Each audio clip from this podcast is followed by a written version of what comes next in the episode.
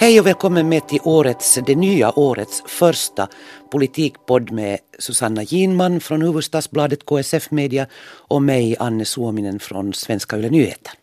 Vi ska idag tala äh, lite om de här gatupatrullerna och politikerna. Och så ska vi fundera lite över att politikerna överhuvudtaget liksom är lite försvunna så här vid årsskiftet och ännu in, in i januari. Var finns de riktigt? Och så tänkte vi också gå in på de olika stora frågor som kommer att dyka upp, bara politikerna dyker upp på agendan nu under den närmaste tiden och, och längs med våren. Nu har vi ju uh, den senaste tiden haft en diskussion om, som du sa, gatupatruller. Det vill säga på olika håll i landet så har eh, delvis helt rasistiska eh, gäng dykt upp för att, eh, som de säger, Eh, patrullera gatorna och skydda de vita från eventuella påhopp av invandrarmän. Och det har ju att göra med det här tafsande som sägs ha förekommit under nyårsfirande i Helsingfors. Och, och de här patrullerna har väckt ganska mycket reaktioner och känslor bland vanliga människor. Till exempel i Joensuu så handlar det då om ett gäng som kallar sig Odinin Sotilat, Odens soldater. Och, och, och där finns just människor med, som, som har helt enkelt domar också för påhopp och misshandel av invandrare tidigare. Och de här grupperna finns ju faktiskt i, i flera städer. Just den här sammangruppen finns åtminstone i ett par andra städer. Eh, nu har det också grundats en i Helsingfors har jag hört. Jag vet inte riktigt hur de räknar sig som var de hör hemma. Men, men bland många människor skapar det här ju faktiskt större otrygghet en trygghet. Plus att ähm, ähm, det känns väldigt obehagligt också med tanke på vad som har hänt i historien, att det ska finnas patruller som går på gatan och tar liksom saken i egna händer och, och skyddar vissa och riktar sig kanske mot, mot andra. Men vi har lite funderat över att det har varit ganska tyst kring det här från politikerhåll. Ja, nu, nu har ju inrikesminister Orpo egentligen fått axla den här kommentatorrollen och, och, och, han har sagt att det inte behövs sådana patruller. Men sen har polisen kommit med lite olika besked så det har varit en ganska stor förvirring här. Och de här ledande politikerna har legat lågt. Eh, Statsminister Juha Sipilä har haft en lång och förhoppningsvis riktigt skön julsemester medan den här diskussionen har pågått. Och nu när han då e- äntligen har kommit ut så, så tycker han att den här diskussionen om dem har fått alltför stora proportioner. Den är överdimensionerad. Okej, okay, han säger att vi inte behöver någon gatupatrull. eller att det är polisens sak att sköta ordningen. Och det är ju självklart, det är en självklarhet. Det, det tror jag att alla säger i det här landet trots allt att det är polisen som, som har ansvaret för ordningen. Men, Men, ja. ja, alltså jag, jag tycker att det var väldigt konstigt för det verkar som man inte alls skulle ha följt med den här.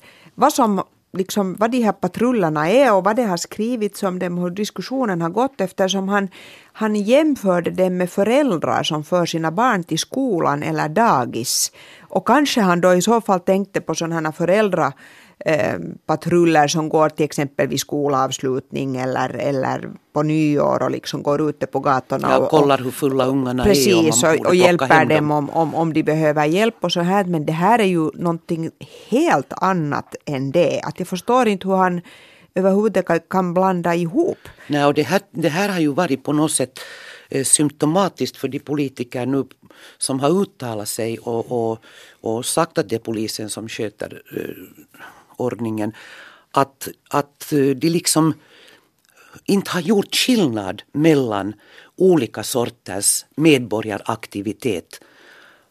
Och, och jämfört just med det här patrullerande, det är inte bara Sipilä utan det är också andra som har jämfört det här patrullerande med med stadsdelsaktiviteter och just som du säger föräldrar som går ut för att ha lite koll på barnen under vissa festligheter att eh, det, det är ju en milsvid skillnad mellan de här två sakerna. På ena sidan har vi rasister som ska försvara den vita rasen. Rasister med brottsbakgrund. Med brottsbakgrund. Och som dessutom, eh, åtminstone en del av dem, munderar sig i jackor med emblem. Och, eh, som för tankarna till skinheads och till, till sådana motorcykel. Precis.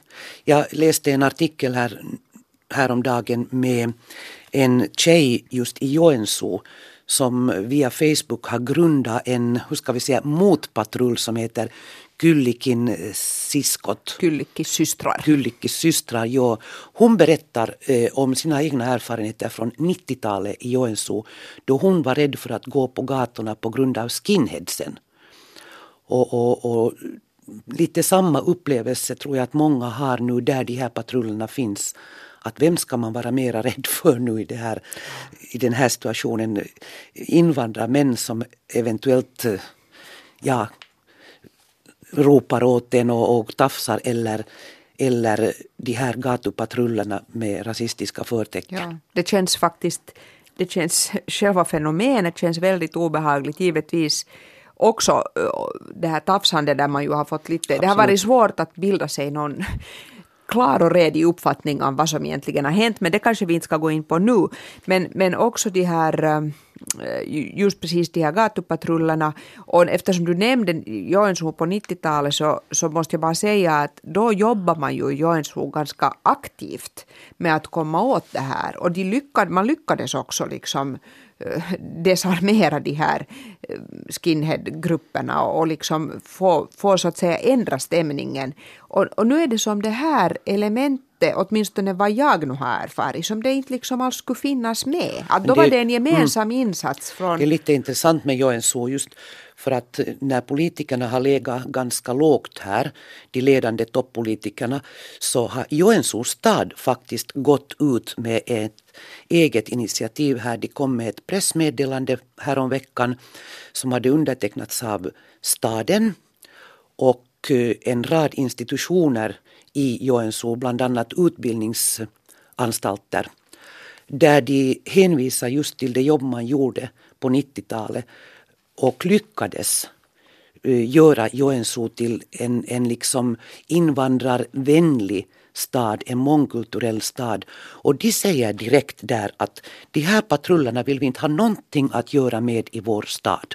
Precis, och där att har de har egentligen gått hårdare ut än någon av våra toppolitiker. Sant, precis. Och, och före våra toppolitiker ja. och där har, Precis, och där har också faktiskt polisen i östra Finland har, har precis på samma sätt liksom tagit klart ställning och sagt väldigt tydligt att, att det här ska inte förekomma. nu måste man ju säga att den här högsta polischefen Seppo Kolehmainens eh, då försvar. Att först kom han med en väldigt underlig och luddig kommentar där inte heller han riktigt kunde skilja mellan föräldraaktivitet och, och sådana här gatupatrullsgäng. Men nu har han ju rättat sig och sagt att han, han uttryckte sig för diffust och att han definitivt inte inte vill ha någon Ja, han har varit faktiskt ganska ångerköpt. Ja. För, för de har antagligen insett själva också hur känsligt den här frågan är och hur viktigt det är att ha någon slags no, kalla det nu en kommunikationsstrategi, mm. att du vet vad du säger och kommer med klara och underbyggda besked. Han är ju ganska ny på sin post.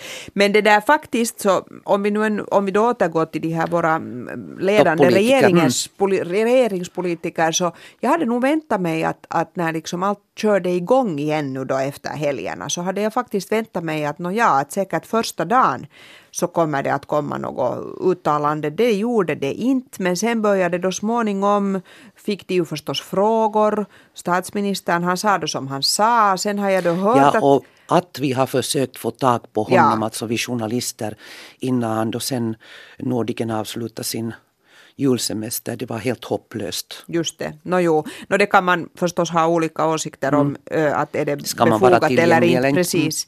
Mm. Men det där ähm, Samlingspartiets ordförande Alexander Stubb, finansministern, så han har då uttalat sig på Facebook. Och han tycker att det räcker. Ja, Precis, och det var nog ganska allmänt tycker jag det också. Han sa inte någonting mer än att, eh, att liksom nej till hatretorik och allt det här och nej till, till tafsande, det, det hör inte till vår kultur och det ska göras klart för de här invandrarmännen.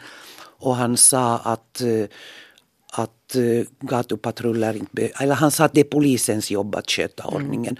Men det, det var inte något mera liksom än vad någon annan ungefär har sagt här. Jag tycker att, att Timo Soini som blev intervjuad i A-studio, han sa liksom betydligt mer ändå än Juha Sipilä, även om han var inne på samma linje, att det har nu fått för stora proportioner och, och upprepa också det här med att polisen är den som ansvarar för ordningen, men att inte kan man hindra människor att gå på gatan. Och det Nej, tycker och han, jag är ganska undfallande. Han, han, han tog ju liksom avstånd från de här patrullerna efter att ha utsatts för lindrig press av journalisten helt enkelt. Precis. Hon, hon fick mjölka det ur honom. Plus att det som jag nog reagerar mot där, det är samma som jag reagerar mot i, i Sipilas uttalande när han säger att det har fått allt för stora proportioner. Att Timo Soini kallar det här för eh, hysteriserande. Precis, kring ja. det, att, att den här diskussionen är hysteriserande. Och, och jag blev funderad på det, alltså jag tycker att det som, eh, som skrämmer mig personligen här är att eh, man på sätt och vis inte nu tar tag i den här diskussionen eh, på ett mera analytiskt sätt. Man lite förringar den, lite sopar den under mattan och det är lite av den här stämningen, eller den här tendensen tycker jag att, att det här är inte ännu tillräckligt stort för att vi ska göra någonting på allvar. Att sen om det sväller ut och sen om det blir värre så kanske vi måste göra någonting. Men, men, men det, liksom, det finns inga så här handbromsar. Nej. Att sen när det här det här funkar ju också så att eh, normerna så att säga i samhället förändras. Det här diskussionsklimatet blir annorlunda och breder ut sig att det är ju nu man borde ta i det. Det är nu man borde föra ett analytiskt och rationellt resonemang omkring vad det är som pågår i vårt land. Precis. Och hur vi ska hantera det, till exempel då integrationen. Och, och, och nu, nu gör till exempel invandrare själva videon eh, för att hjälpa varandra integrera sig.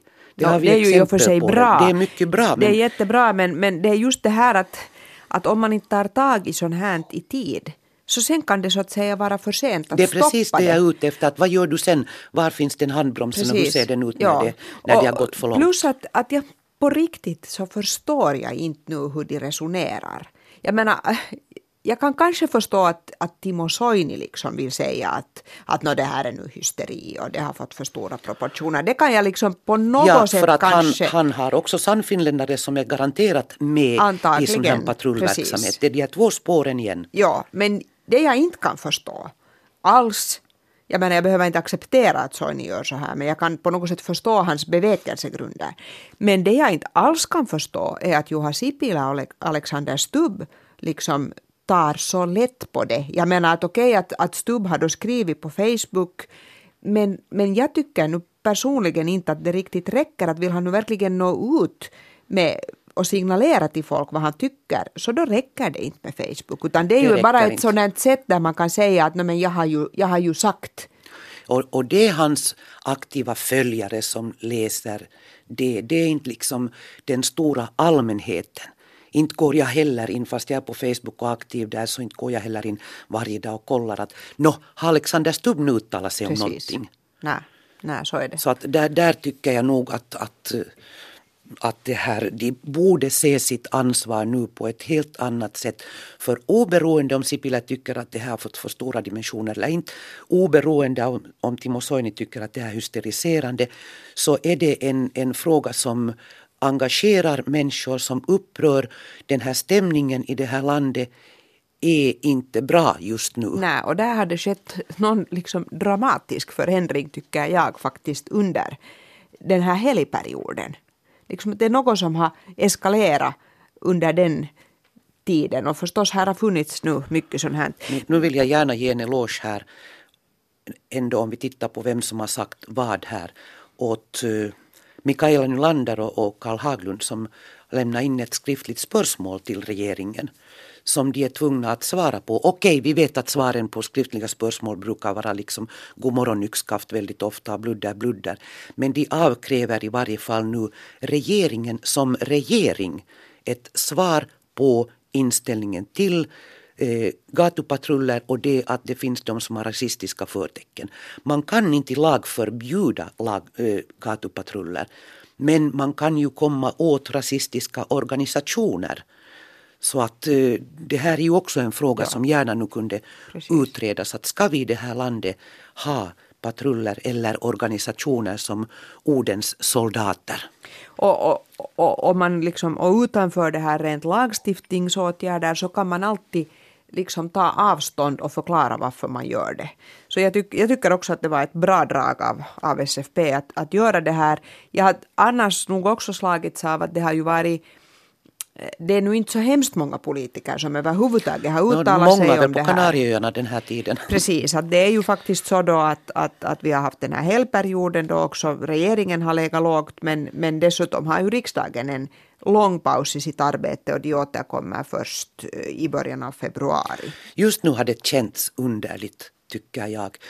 Vi har massor av, av, stora och svåra frågor som, som är på bordet och som ska avgöras den här våren, våren. Vi har den här diskussionen och vi har en riksdag som samlas först om flera veckor. Ja, och det, vi, vi kollade igår lite eh, att hur, hur mycket lagförslag ligger där nu i riksdagen och, och det verkar nog ligga ganska många lagar där. De är säkert kanske ändå remitterade till utskottet men det är ju uttryckligen i utskotten som det viktigaste arbetet görs.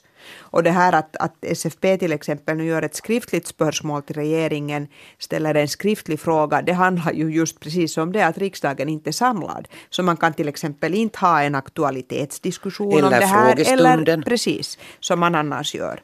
Så att det där, um, på något sätt så så ska det bli skönt när riksdagen återsamlas. Ja, plus, plus att, att då börjar det ju faktiskt sen, hur ska vi säga, landa väldigt stora frågor. Precis på bordet att, att eh, den här våren så kommer de här så kallade tvångslagarna.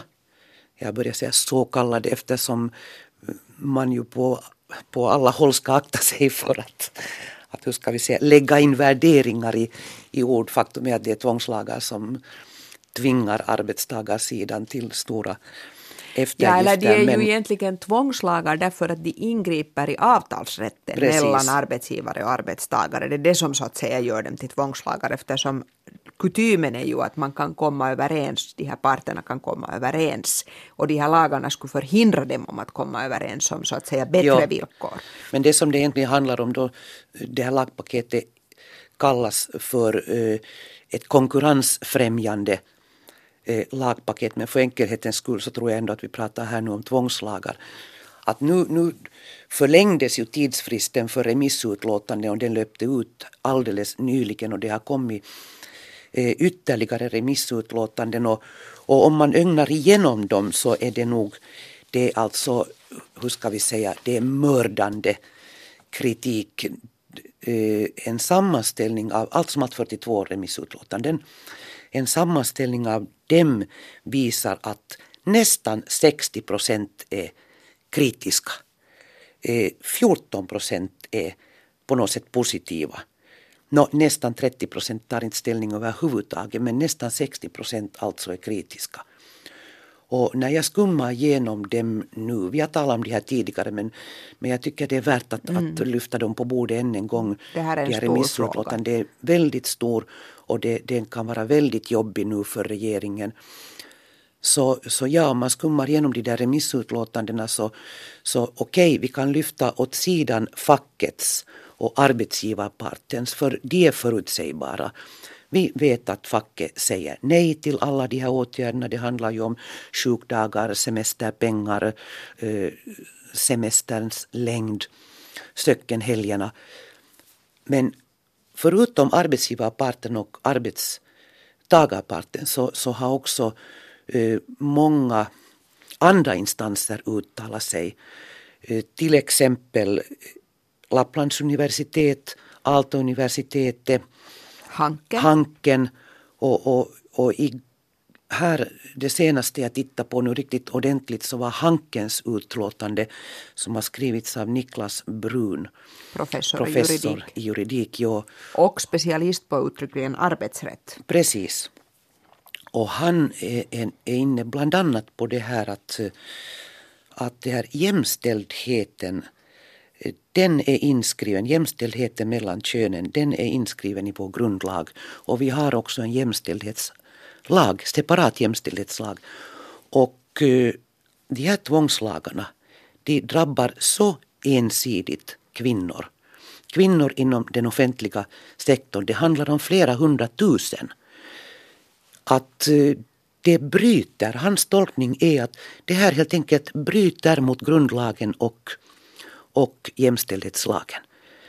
Ja, då kan man ju säga att regeringen har brukat försvara sig kanske inte just i den här frågan specifikt i tvångslagarna, men annars med att, att, men att det är i den offentliga sektorn man måste skära, för det är där liksom de offentliga utgifterna mm. finns.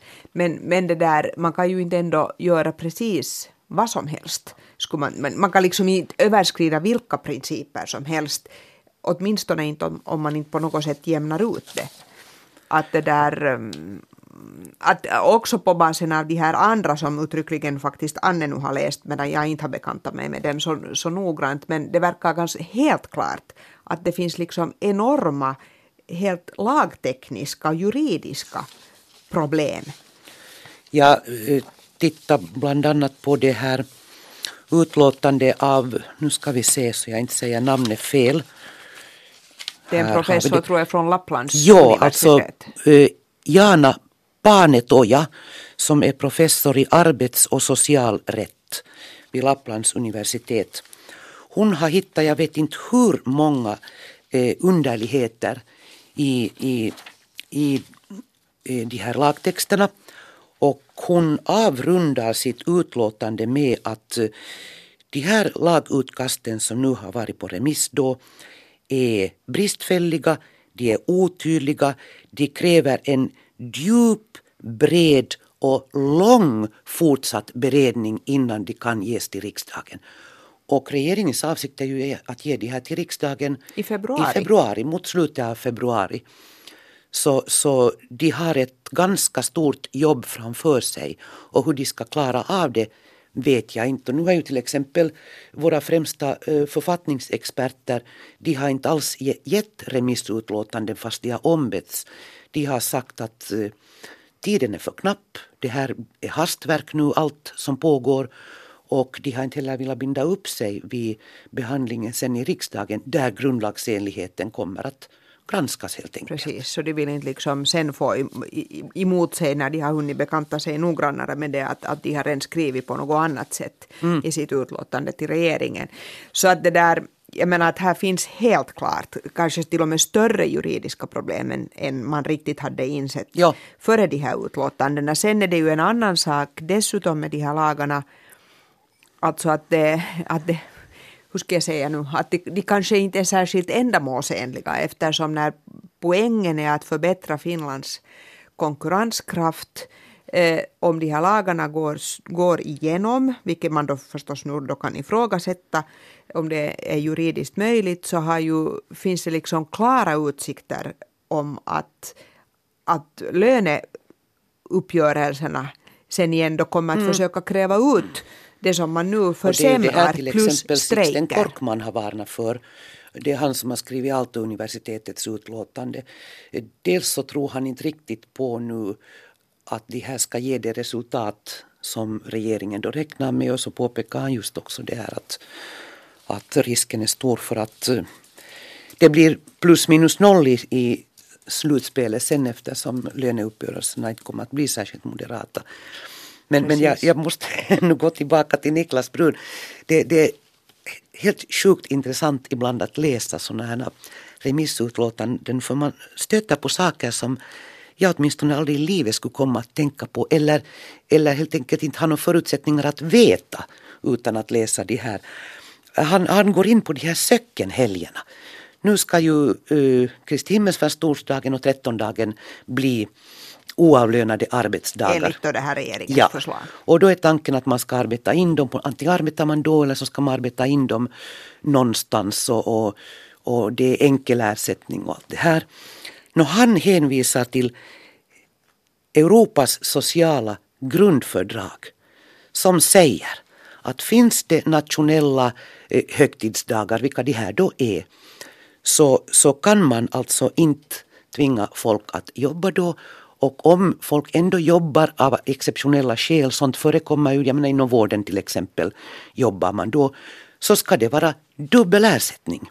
Och eh, Holland, Portugal, Slovakien och Grekland har fått reprimander från den sociala kommittén eh, för att de inte har betalat tillräcklig ersättning. Så att, att han, han är då inne på den linjen att, att det här betyder att inte kan regeringen göra så här. Nej, precis. Så att... Plus det som någon annan, ja det var väl den här professorn från Lappland påpekade att, att ja, hur, hur är det då om folk ska börja jobba på söcken, de här två söckenhelgerna eller jobba in det på en lördag. Mm, hur ska vi ha det med dagvården? Mm. Människor har ju barn som ska ha vård. Eller ska vi förutsätta då att eh, man anlitar en privat dagvårdare? Eller så att här, här, är, mm. här är många, alla möjliga problem precis. som Och man kan kanske säga så här summa summarum att här, just precis att här finns de juridiska problemen så finns det liksom de här, hur ska man nu säga, konsekvensproblemen, att det kanske blir helt motsatt resultat än det som mm. regeringen har avsett. Så att sist och slutligen alltså är det på det sättet att regeringen tog till den här till de här tvångslagarna tror jag faktiskt bara som ett hot. Och de hade nog kanske inte räknat med ja. att de faktiskt skulle kunna förverkligas. Och därför är de dåligt beredda också. Precis, och nu har de liksom målat in sig i ett hörn. För att om de nu backar från dem så då framstår regeringen verkligen som liksom att de har igen på sätt och vis gjort bort sig. Och, så att vi får ju se hur det här nu ska sluta. Men, men nu är det ju ganska inte... dålig, dåligt sätt att göra politik ja. det här. Och det som vi ju inte vet nu om det pågår någon slags förhandlingar mellan arbetsmarknadsparterna bakom kulisserna. Det, det har ju sagts hela tiden att, att de nog försöker. Och att och nu de skulle det finnas tid nu, det nu när riksdagen inte sitter. Ja, och, och, man kan ju hoppas att det pågår förhandlingar men, och att de pågår nu då för en gångs skull i tysthet. Fast jo, vi annars vill ha stor precis, offentlighet men och öppenhet. Nog, men, det här, men det här att göra politik precis, via offentligheten så är nog alltid riktigt bra. Jo, nej, men samtidigt måste jag ju säga, det här kan vi ju hoppas, men samtidigt nu skulle jag bli lite förvånad om det är faktiskt så att ingen skulle ha reda på att de där förhandlingarna pågår. För mm. att på basen av det som man ser i offentligheten så verkar det ju inte som det skulle pågå. Men vi får se. Vi Man får kan se. alltid leva så att säga i hoppet. Om vi lite, vi ska kanske småningom här nu börja titta avrunda men vi ska titta lite jo. framåt på annat som är på gång och då är väl kanske den andra jättestora saken i vår är, är den här vårdreformen och, det, och landskapsreformen och där ska det hända väldigt mycket alldeles inom de närmaste veckorna. Att vi har till exempel Lauri Tarasti eh, som, som ska komma med sitt förslag om vilka alla uppgifter som, som landskapen ska få förutom vården och vad det då kommer att ha för konsekvenser antar jag. Och så ska det funderas på hur det här, det, landskapen ska ju ha direkt Val, folkval av sina beslutsfattare, hur det ska gå till. Det sitter partisekreterarna och funderar på. Där hade ju då kastats fram den här möjligheten till sånt slutet listval. Men jag förstår inte riktigt varför, för ingen tycks tycka att det är en bra idé. Nej, det har diskuterats många gånger tidigare och, och, och ska vi säga pålitliga eller trovärdiga relevanta källor som jag nu har talat med, jag tänker inte nämna några namn här, men så, så när, när det med listval kommer på tal så, så hörs det fniss fniss. Ja, precis. Så, så det underliga är ju varför det överhuvudtaget har kastats fram här. Ja, det, det, jag, jag först, det kanske är en sån här helig grej liksom, att man ja. måste ha någonting att komma med. Men alltså regeringen ska ju ta sina beslut nu, väldigt stora beslut, eller ja, de ska ja. skicka ut det här eh, lagförslag som har att göra med självstyrelseområdena, mm. vårdreformen, redan under den här våren. De ska gå på remiss Precis. för att kunna gå till riksdagen ja. i höst. Ja. No, och sen finns det ju fortfarande, det senaste är väl nu då Statens revisionsverk som betvivlar att det här man vill då bromsa kostnadsökningen för att nu säga det besvärligt men så som det, det handlar ju inte om direkta sparåtgärder utan det handlar om att det ska kosta mindre ja. i framtiden än det skulle kosta om man gör det här och man beräknar då att den summan är 3 miljarder och Statens revisionsverk tror inte alls på det här och, och ifrågasätter hur man har kommit fram till den här summan och, och, och det, för, det det har jag en viss förståelse för, för att när den här vårdreformen i senaste varvet förbereddes så då talades det ju om, om en kostnadsminskning på under en miljard. Och nu är man plötsligt uppe i tre. Att det kan nog hända att det finns ett mått av, av önsketänkande. Och är där ännu någonting som, som är på gång nu som gäller just de här landskapen och vård? Ja, no, hela vårdreformen. Jag, jag var och lyssnade på en diskussion som, som näringslivets delegation, eh, tankesmedjan EVA, ordnade kring de här vårdreformsfrågorna. Och där var till exempel den här Tuomas Pöysti som nu är projektledare med och Mats Brommels som leder den här gruppen som ska fundera på hur man ska kunna gå från den här mångkanalsfinansieringen som vi nu har till en enkanalsfinansiering. Mm, och, större valfrihet. och större valfrihet och så här och han har erfarenheter från Sverige och deras vårdval och så var det en representant för ett, ett privat vårdföretag. Och, och, och de här människorna är ju alla väldigt insatta. Jag skulle själv säga att av, av den som är lättast att höra på är Tuomas Pöysti, för han vet nu verkligen vad han talar om. Det blir liksom ganska klart. Men det, den här diskussionen också visar bara hur väldigt, väldigt mycket som ännu är oklart. Mm. Detaljerna är hemskt oklara, hur systemet egentligen ska byggas upp. Att vi har fortfarande de där stora riktlinjerna, men, men vad, det sen liksom, vad som fylls ut inom de här ramarna, så det är mycket som är oklart. Och det bäddar också för många konflikter, till exempel inom regeringen. Ja, och, och här eh, kanske lite som avrundning så kan vi nu gå, ursäkta, gå tillbaka till grundlagen som den här regeringen tycks vara en mästare på att, hur ska vi säga, utmana.